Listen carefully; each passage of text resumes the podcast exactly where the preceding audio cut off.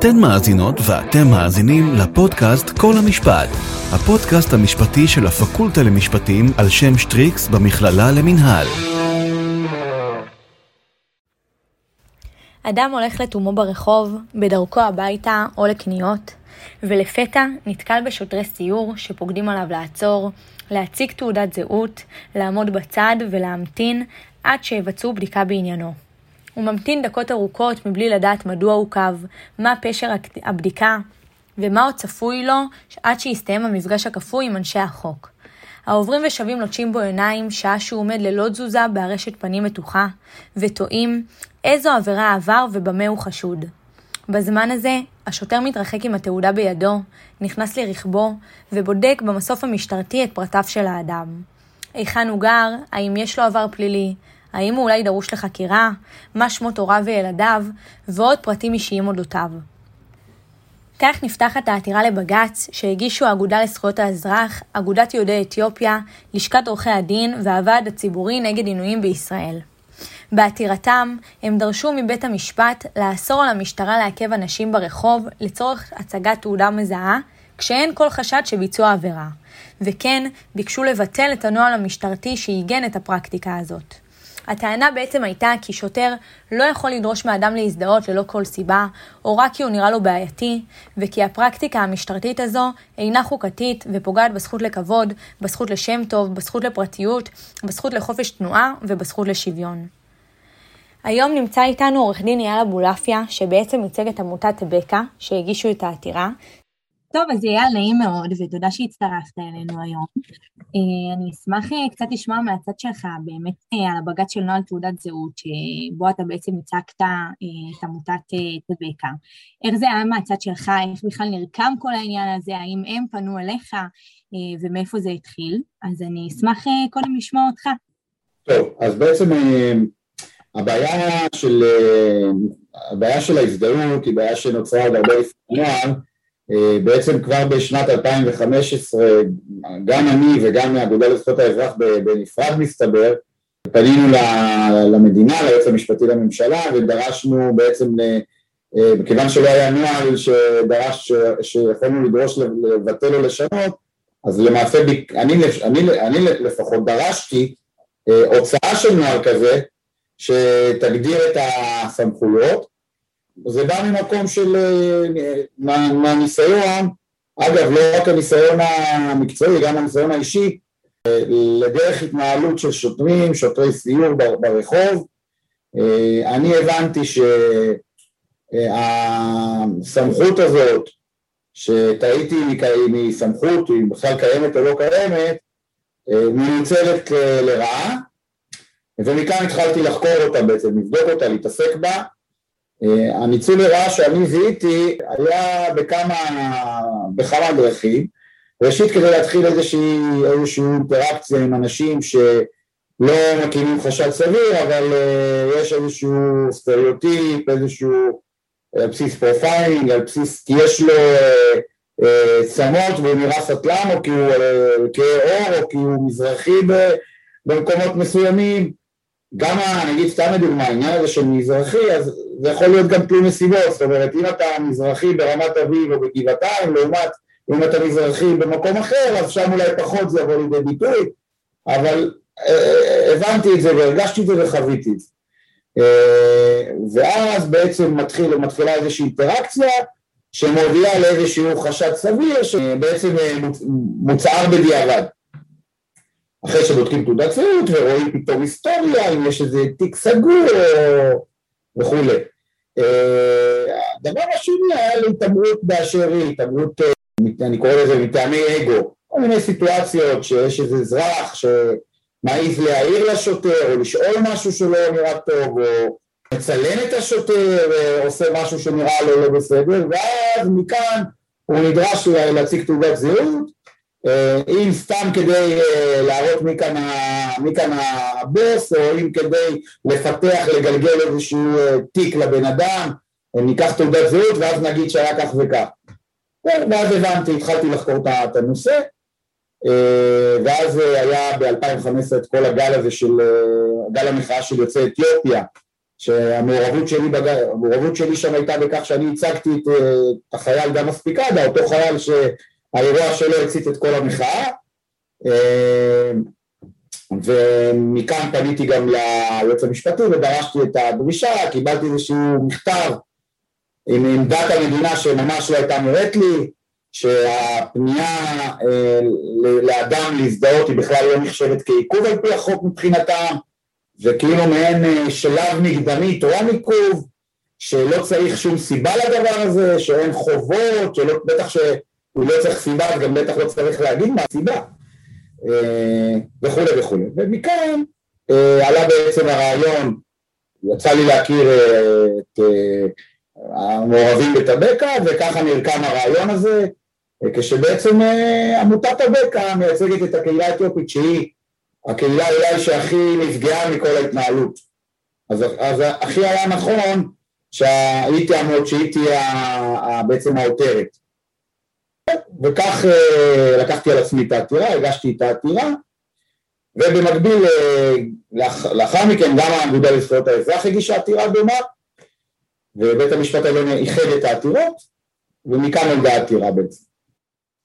טוב, נשמע מעניין מאוד. אני יודעת, אה, אם אה, ככה זיכרוני אינו מטעה אותי, שבאמת גם לפני שניתן פסק הדין הזה בבג"ץ בעניין של אה, נוהל תעודת הזהות, כבר היה פסק דין, פסק דין מהמישור של המשפט המינהלי, שניתן גם, אני חושבת, בשנת 2015, שגם הוא בפני עצמו קבע שבעצם אין לנהוג בשיטור יתר כלפי העדה האתיופית, שיש ההפך, שיש דווקא לנהוג בשיטור כלפיהם בצורה שהיא יותר רגישה, ופחות אה, אה, עם סטריאוטיפים. השאלה האם לגישתך זה איזשהו משהו שהוא פרי יצירתם או פרי דמיונם, האם יש איזו סטטיסטיקה שבאמת מראה שכלפיהם נוהגים בשיטור יתר, או שבאמת ממה שאתה חווית ועברת והתעסקת בזה וחקרת, אתה באמת בא ובסופו של דבר אומר, כאילו זה קיים ויש שיטור יתר כלפי קהילות מסוימות ועדות מסוימות, כלומר, מה בעצם קורה בפועל?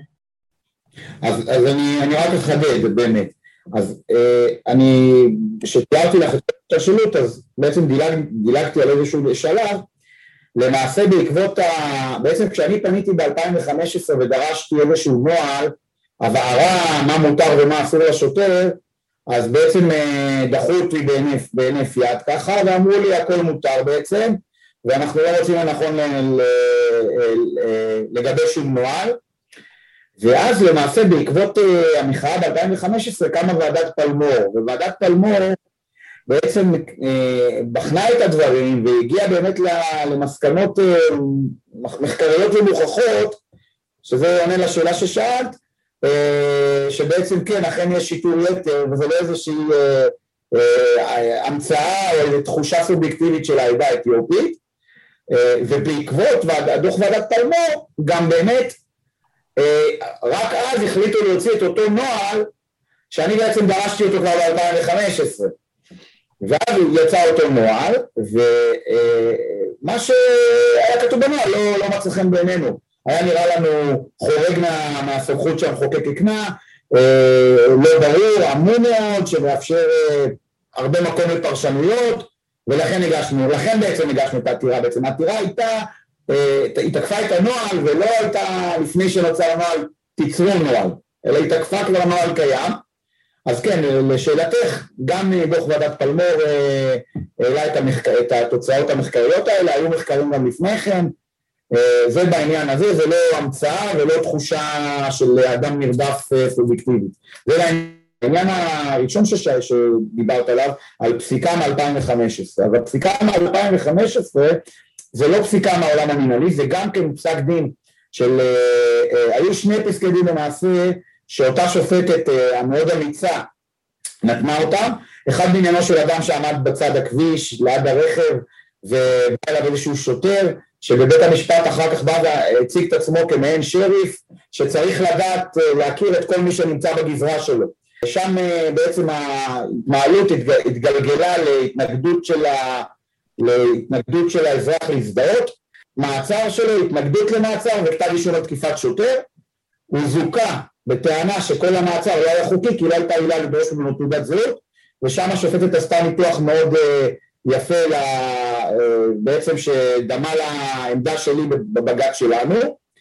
בפסק דין השני זה היה בעניינו של בחור יוצא העדה האתיופית, ששם הייתה איזושהי הגעה לריכוז של חבר'ה צעירים, ספק בגלל רעש, ספק בגלל שתיית אלכוהול, ושם התגלגלות לכל מה שקשור לאלכוהול, לשתיית אלכוהול, ודרישת תעודת זהות, ובריחה של הבחור, זה התגלגל לאיזשהו מעצר, או התנגדות למעצר, וכתב אישום על תקיפת שוטר, גם כן אה, אה, היא מזכה את הבחור, קובעת שלא הייתה סמכות לדרוש תעודת זהות ללא חשד סביר שבוצע עבירה, אה, מזכה אותו, המדינה מערערת, ומושכת את הערעור שלה, תוך שהיא מבקשת מבית המשפט להבהיר שבנסיבות מסוימות ניתן לבקש תעודת זהות גם ללא חשד סביר. זהו, זה מה שהיה. ואז למעשה לא היה פסק דין תקדימי במחוזי שמנחה הערכאות הנמוכות אה, מתי ואיך ואם בכלל מותר לדרוש תעודת זהות ללא חשד סביר ובעצם נותרנו עם מה שהם קראו לה הלכת למברטו שזה פסק דין משנות השמונים שקבע שיש סמכות לדרוש תעודת זהות. ואז בטח השאלה הבאה שלך, איך אנחנו, איך הטענות שלנו מתגברות על הלכת למברטו, זאת אומרת, האם שינינו הלכה, האם אה, טענו שאין הלכה, אה, אז כך, קודם כל אנחנו טענו שבתיק, אה, בעניין למברטו, הדברים לא ניתנו בצורה, זה לא היה אישו, זה היה איזשהו משהו שהוא שולי, במהלך הדיונים אמרו, הסכימו איתנו בעניין הזה, שופט שטיין אמר בצורה מאוד ברורה, אני לא יודע אם זה כתוב בפסק הדין, אבל הוא אמר בצורה מאוד ברורה שבלמברטו לא הייתה שום הלכה. ככה הוא קבע, ככה אמר כבוד השופט שטיין. שהוא גם, שאגב, סליחה שאני קוטעת אותך, השופט שטיין היה גם בדעת מיעוט בבג"ץ הזה, שזה גם משהו מעניין. נכון, נכון, נכון, אחד הדברים שהוא אמר, לחזק את דעתו, לא יודע אם זה כתוב בפסק הדין, או שזה רק בפרוטוקולים, שהלכת למברטו בכלל לא, לא הלכה. אה, אה, משהו אגבי ושולי. אה, איך אנחנו תוקפים את העניין עוד? גם אם נכון וגם אם זאת הלכה, מדובר בהלכה ישנה שניתנה לפני חוקי היסוד, לפני חוקי היסוד ובעיקר לפני חוק המעצרים שחוקק בעקבות חוקי היסוד ואם אז הייתה הלכה, ברגע שבא המחוקק ונתן את דעתו הרי הרבה פעמים חוקים נוצרים בעקבות הלכות.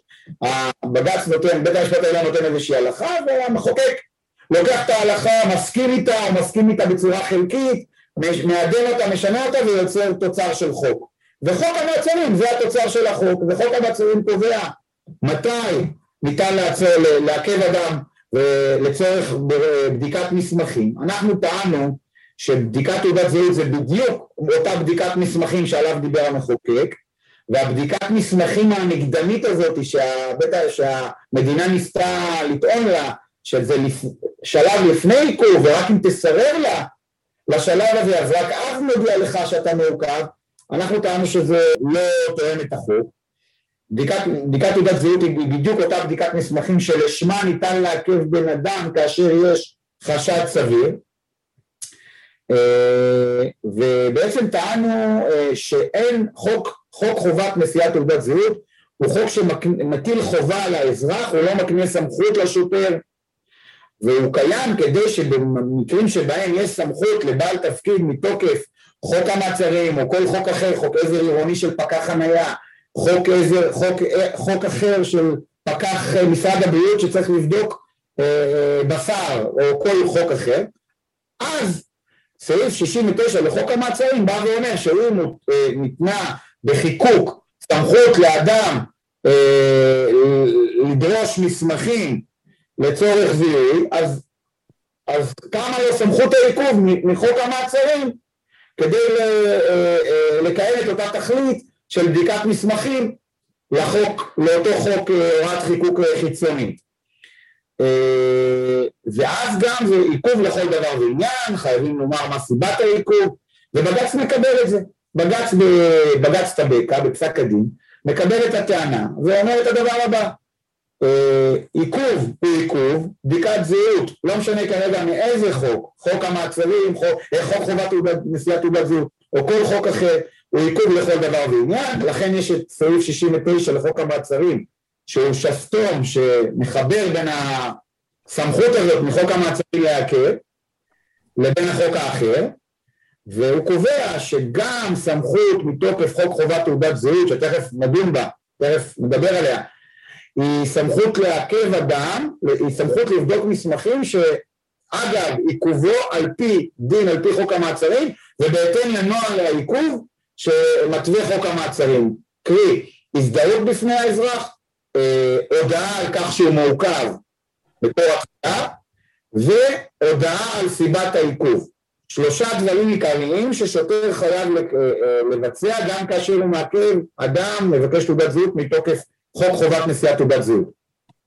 יש לזה משמעות מבחינתנו. ראשית, כששוטר מגיע לאדם ומעכב אותו, קמה לו חובה מוגברת להפעיל, לתעד את ההתרחשות, להפעיל מצלמת גוף. אגב, לפי הנוהל שלהם כל הגעה לאזרח וכל פנייה לאזרח צריכה להיות מתועדת, אבל מקל וחומר כשאתה מעכב אותו. לכן הייתה לכך משמעות. הדבר השני שהוא צריך לבוא ולהגיד מראש, בזמן אמת, מה סיבת העיכוב. וזה בדיוק בא למנוע את מה שהיה קורה עד היום.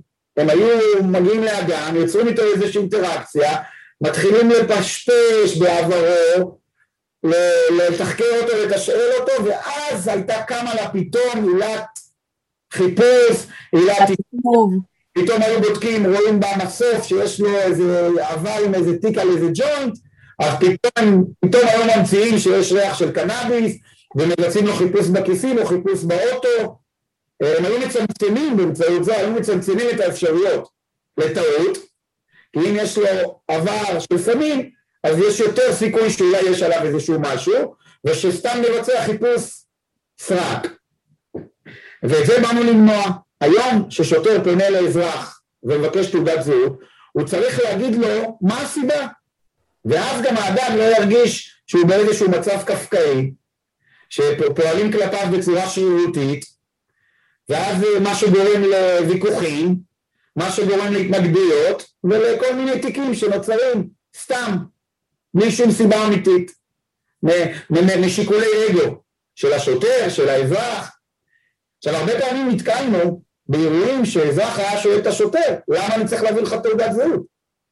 והשוטר היה אומר לו, אין תשובה שלא נתקלתי בה. נתקלתי בשוטר שהתשובה שלו הייתה כובע, למה כובע? נתקלתי בשוטר שאמר כי ככה אני רוצה, נתקלתי בשוטר שאמר שוטר מבקש ממך תעודה, לא משנה מה אתה חייב לתת, וכל מיני תשובות שלא מתקבלות על הדף והובילו למעצרים. תראה, אני, אני באמת, אני שוב חוזרת על זה, כי במיוחד אה, ככה בשבועות האחרונים, בחודשים האחרונים, אנחנו כל הזמן נעים אה, גם אה, בפרשה הזאת של נוהל תעודת זהות, גם בפרשת עין הנט, שזה מצלמות אבטחה סמויות של המשטרה, גם בפרשת NSO עם הטלפונים, כלומר, אנחנו בזמן האחרון הרבה מדובר על סמכויות המשטרה. עכשיו, אנחנו תמיד נעים בין הגבול של חשיפת האמת ולהגיע לחקר האמת ולהרשיע בעצם עבריינים, ושיהיה לנו מרחב ציבורי שהוא באמת יותר נעים, עם פחות עבירות. אחרות, ומצד שני אנחנו אומרים, אנחנו גם רוצים שתהיה לנו משטרה, משטרה חזקה, שיש לה סמכויות, כן, אבל כזו שכל הדברים... עכשיו, השאלה, אנחנו כאן מדברים על הדברים בתנאי מעבדה. אני כשקראתי את הבג"ץ הזה אמרתי, וואו, זה פשוט מדהים האיזון הזה שבג"ץ בעצם ערך, שהוא בא ואמר מצד אחד, אם עכשיו שוטר רוצה לבקש מעובר אורח תעודת זהות, הוא יכול לעשות זאת רק אם הוא רוצה לוודא התקיימותה של עילה או פרט מתוך תעודת זהות, או את עצם קיום תעודת הזהות עצמה, ואם שוטר רוצה לעשות פעולת חיפוש מעמיקה יותר, כמו שאמרת, שזה להעלות בעצם על המסוף את תעודת הזהות, שזה כבר מצב דברים שבו הוא מעכב אותו, על השוטר להוכיח חשד סביר לביצוע עבירה לכל הפחות.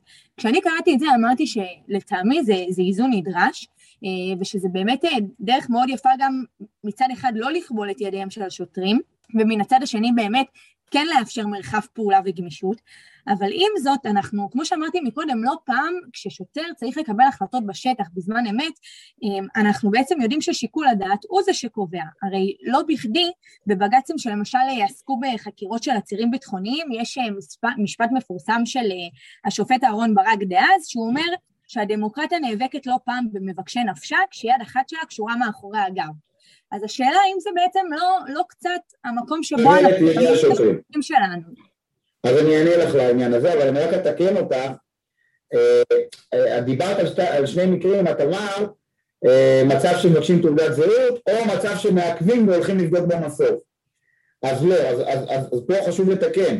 בג"ץ קבע שבשני המקרים, גם כשיש לך חשד סביר, ואז מותר לך לבדוק מסוף וכולי, אבל, וגם כשאין לך חשד סביר, ואסור לך לבדוק במסוף ולתשאל את הבן אדם או לבצע כל פעולה שיטורית נוספת, הסיטואציה שבה אתה מכניס את האזרח היא עיכוב לכל דבר ועניין, שיהיה ברור.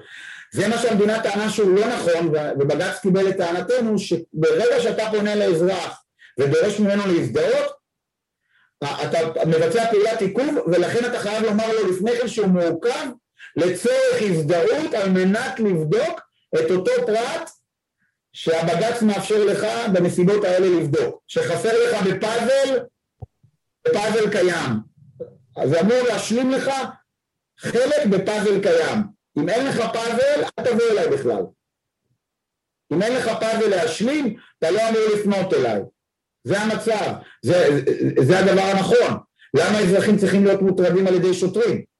למה צריך לאפשר בכלל שזה יקרה על בסיס profiling ועל בסיס, בסיס דעות קדומות? עכשיו, לשאלתך לעניין כבילת ידיהם של השוטרים, אני ער לניצול ציני שנעשה ממש לאחרונה בעקבות גל הטרור על ידי פיקוד המשטרה אה, בנושא הזה, נעשה ניצול, ניצול ציני ובאמת אמרו, המשטרה אמרה לאיזה כתב שהנוהל הזה מקשה עליהם להילחם בטרור וזה ניצול ציני ואני אגיד למה גם בבג"ץ, כשהם היו צריכים להשיב לבג"ץ, רוב הדוגמאות, אם לא כל הדוגמאות שהם נתנו, זה דוגמאות למקרים שבהם שוטרים פנו לאדם בן מיעוטים, חושב שכל הדוגמאות רובן באזור ירושלים ובמזרח ירושלים. במזרח ירושלים. ובאותה פנייה, מאותה פנייה, אותה פנייה לשות, לאזרח גילתה שמדובר באדם שנושא עליו סכין וכולי. תראי, אה, אני הייתי איש ביטחון ואני יודע מה, מה הם סימנים מחשידים ואני יודע איך מתנהלים עם מפגע.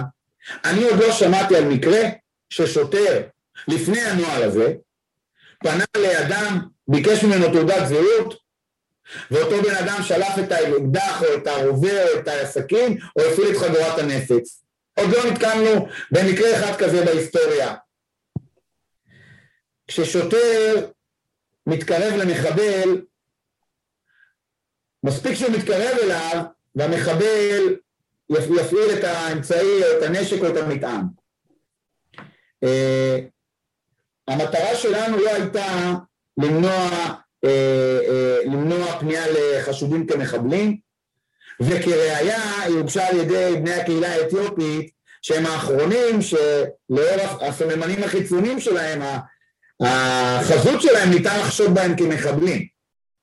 אנחנו מדברים על סיטואציות שבהן ברור לשוטר שמי שעומד מולו הוא לא מחבל, אנחנו מדברים על אינטראקציות בכל מיני ערי, אה, ערים אה, בפריפריה, בקריית גת, במקום, בקריית מלאכי, בכל מיני מקומות שבהם יש ריכוזים של בני הקהילה האתיופית ויש אינטראקציות ששוטרים שבאים לחבר'ה בני נוער, צעירים, בני הקהילה האתיופית, והם לא חושבים שהם סוחרי סמים והם לא חושבים שהם מחבלים. לא יעבדו עליכם, כמו שאומרים. אה, אז אין שום קשר. אגב, גם אם ניקח את כל הפיגועים האחרונים, אחד לאחד, ונבחן אותם, ונגיד האם היה, האם הזה פגע ביכולת למנוע את הפיגוע, התשובה תהיה שלילית. המקרים האלה, בכל המקרים האלה, פנייה, פנייה לאותו אדם לא הייתה יכולה לעלות, לעלות דבר. אה, אה, גם, גם לא טוענים שזה קרה. הרי אה, מדובר ב... מדובר ב... אם זה שוהה בלתי חוקי, יש לנו את החוק הכניסה לישראל, שאם יש איזשהו חשש, שהוא פחות מחשד סביר, שמדובר באדם שהוא שוהה בלתי חוקי, ניתן לפנות אליו. ניתן לפנות אליו.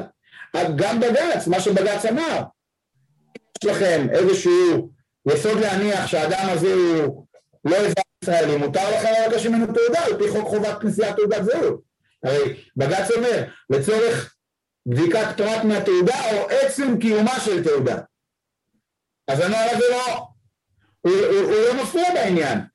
הנוהל הזה מסייע למנוע את כל אותם, אה, את כל, את כל אותם חיכוכים עם אנשים שידועים לשוטרים כאזרחי מדינת ישראל שאינם מפגעים, שמובילים לתיקי, סתם, לתיקים שאין בבסיסם שום, שום עבירה שבוצעה.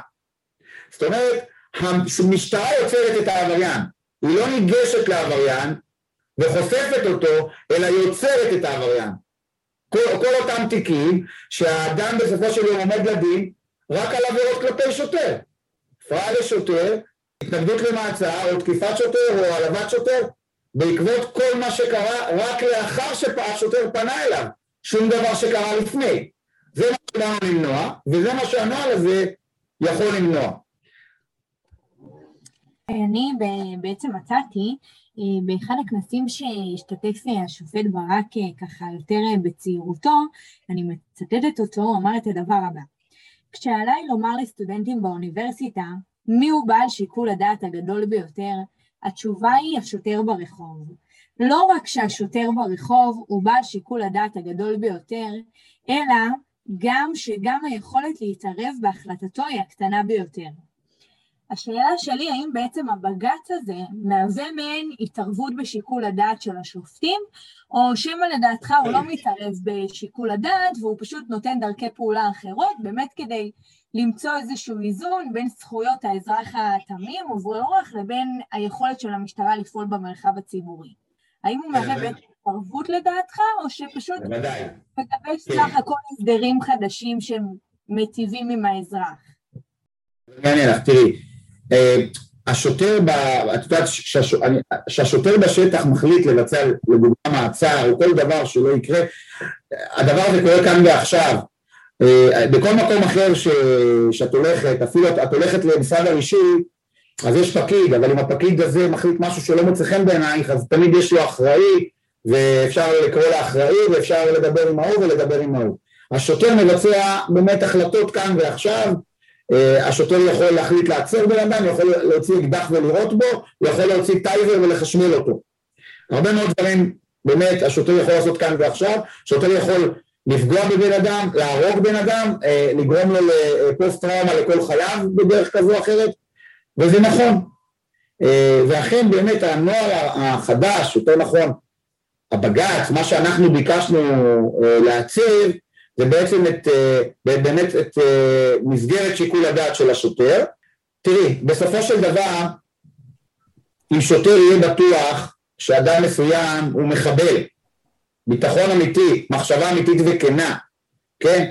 אז הוא יעשה מה שהוא צריך לעשות ולא יעניין אותו שום נוהל, ואף שוטר עדיין לא נענש כי הוא חרג מהנוהל, כן? ולא יענש גם, נדמה לי לגלות לך. אז כשזה יקרה, זה יקרה, ומה שצריך לקרות יקרה. כמו שאמרתי, המטרה שלנו זה למנוע אה, התעמרות, למנוע הפללה בדיעבד, למנוע אה, חיכוכים ומשחקי אגו של שוטרים, וזה מאוד אה, חשוב, אני חושב שזה מאוד חשוב במיוחד במדינת ישראל. זה לא סוד שמשטרת ישראל היא לא המשטרה המקצועית בעולם. ואני הרבה פעמים אומר שמי שאילץ אותנו להגיש את הבג"ץ הזה זה המשטרה בעצמה, שלקחה את הסמכות שלכאורה הייתה לה לממדים מפלצתיים.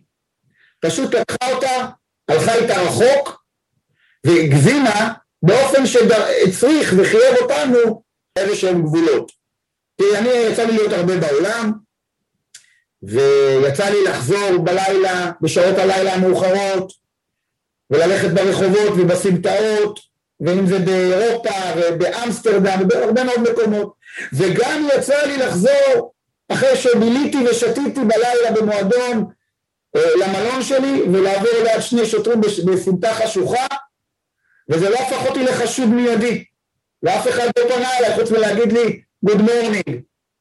ואני חושב שהמשטרה שלנו בארץ היא לא משטרה מקצועית, אה, היא לא משטרה שיודעת להפיק אה, לקחים, להפיק מסקנות, לתקן, וגם האיכות כוח האדם שלה היא לא מה... מה הכוח האדם שלה הוא לא מהטוב ביותר. לצד המשכורות לא מזמינות אנשים איכותיים להגיע לשם, ולכן כן צריך להתערב בשיקול הדעת ולא לתת לשוטרים במדינת ישראל שיקול דעת כל כך רחב שאולי הייתי נותן לשוטרים ב- בלונדון. ובאמת זה, זה מוביל אותי לדעת המיעוט של השופט, אה, אה, של השופט שטיין באמת, שהוא בכלל, אם אני לא טועה, אמר שלדעתו בכלל החוק לא מקנה בעצם את מה שאתה אומר, שמלכתחילה לדעתו החוק בכלל לא מקנה סמכות לשוטרים בהקשר הזה, שזו דעה ייחודית ומעניינת בפני עצמה. נכון, והשופט שטיין צדק. השופט שטיין צדק והוא צודק, ואני חושב שהוא צודק.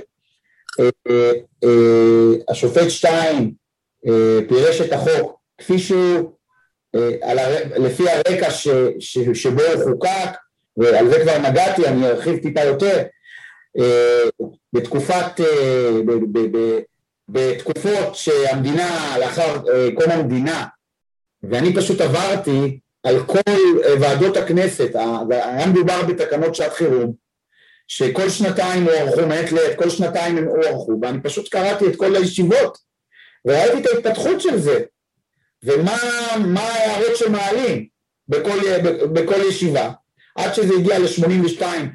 הסיבה שזה יחוקק כחוק, לא כי מצאו לנכון שזה הכרחי, זה כי פשוט חברי הכנסת התעצלו לדון בזה כל שנתיים מחדש, אז לא, בואו נעשה את זה כחוק, פשוט כך.